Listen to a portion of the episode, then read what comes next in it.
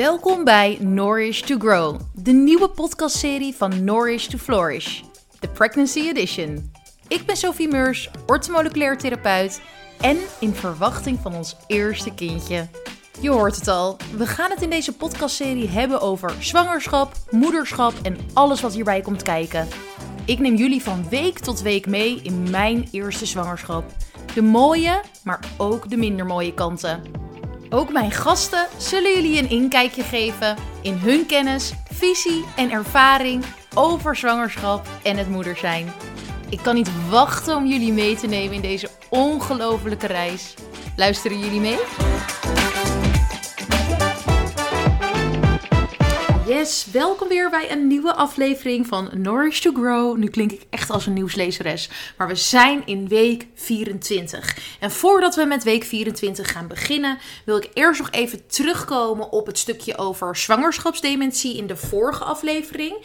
En ik wil namelijk zeggen dat zwangerschapsdementie en vergeetachtigheid kan ook worden verergerd door een omega-3 tekort of door een choline tekort. Dus als jullie de vorige afleveringen hebben geluisterd en zeker die met Vitals over bepaalde stoffen tijdens de zwangerschap die we nodig hebben, dan weet jij inmiddels dat het heel belangrijk is om deze stoffen voldoende binnen te krijgen. En omega-3 en ook choline die zorgen voor de hersenfunctie. Dus dat neuronen goed in de hersenen kunnen verbinden, zodat wij alert zijn, gefocust zijn, zodat we goed na kunnen denken.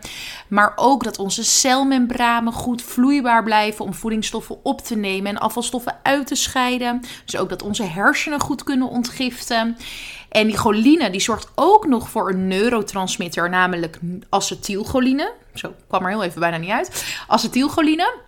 En acetylcholine noemt mijn lieve collega-therapeut Denise Boon altijd de popcornmachine.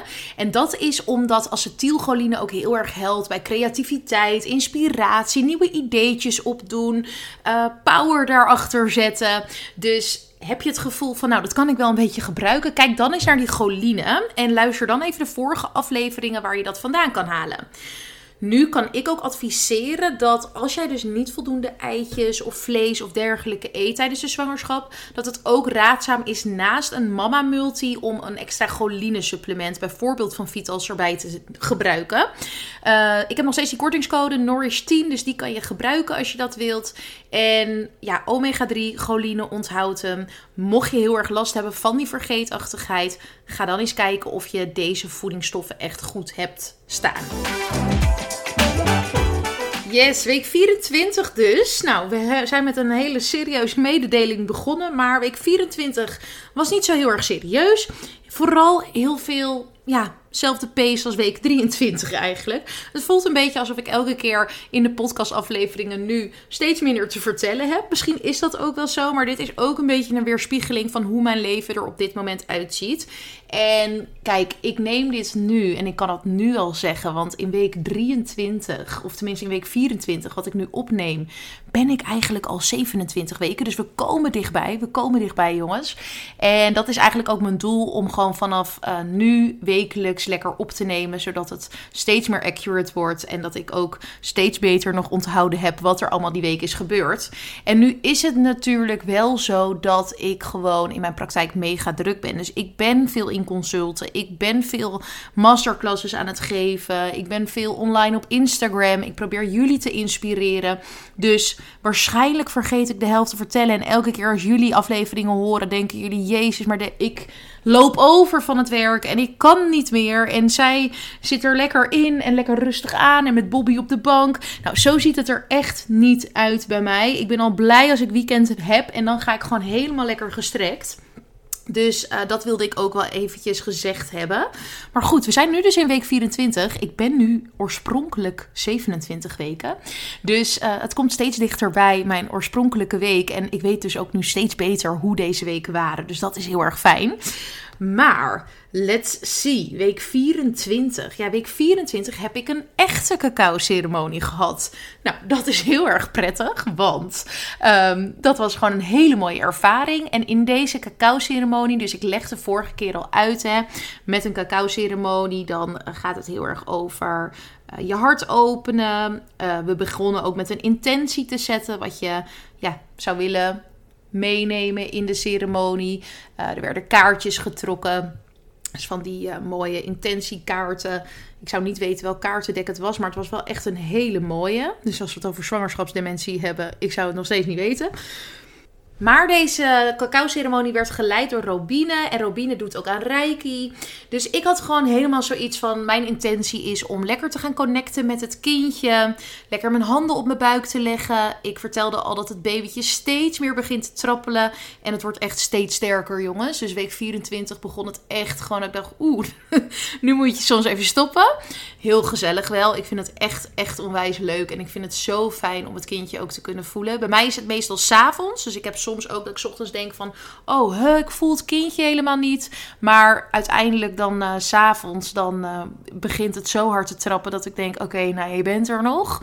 En nu was die cacao-ceremonie ook s'avonds. En ik ben gewoon lekker op een kleedje gaan liggen. Die cacao was ook heerlijk. Ja, ik hou daarvan. Gewoon echt pure cacao. Ik hou ook altijd van pure chocola. En um, ja, ik vind dat echt fantastisch lekker. En toen met mooie muziek gewoon lekker gaan liggen. Robine die deed ook nog wat handopleggingen vanwege de reiki. En probeerde dus ook een beetje te voelen wat voor energie wij hadden. En wat er allemaal gebeurde in ons. En nou ja, wat er bij mij dus heel erg gebeurde was heel grappig. Ik ging dus, wij weten natuurlijk het geslacht niet. Of tenminste natuurlijk, wij weten het geslacht niet. Dat heb ik eerder in een podcast verteld. Wij gaan dat ook pas weten bij de bevalling. En ik merk ook dat ik dus steeds nieuwsgieriger begin te worden. Dat is denk ik gewoon heel natuurlijk. Ik bedoel, ik ben natuurlijk gewoon super nieuwsgierig naar ons kindje. En ja, ik ging dus proberen te connecten met het kindje. Wat heel uh, mooi was op dat moment, want het was zo lekker aan het trappelen. Maar toen bedacht ik me van, zal ik het kindje eens vragen wat het is? Dus zal ik eens vragen, ben jij een meisje? Kijken hoe het reageert en of het reageert. En daarna vragen, ben jij een jongen? En dan gaan voelen en gaan kijken hoe het reageert. Nou, ik heb al vanaf het begin, en ik weet niet of ik dat heb verteld, het gevoel dat het een meisje wordt. En vanaf deze avond is mijn gevoel veranderd, jongens. Waarom? Oké, ik ging dus mijn handen zo op mijn buik leggen. En het kindje was aan het trappelen en druk. En ik voelde het de hele tijd. En op een gegeven moment ging ik intunen en vroeg ik: Ben jij een meisje?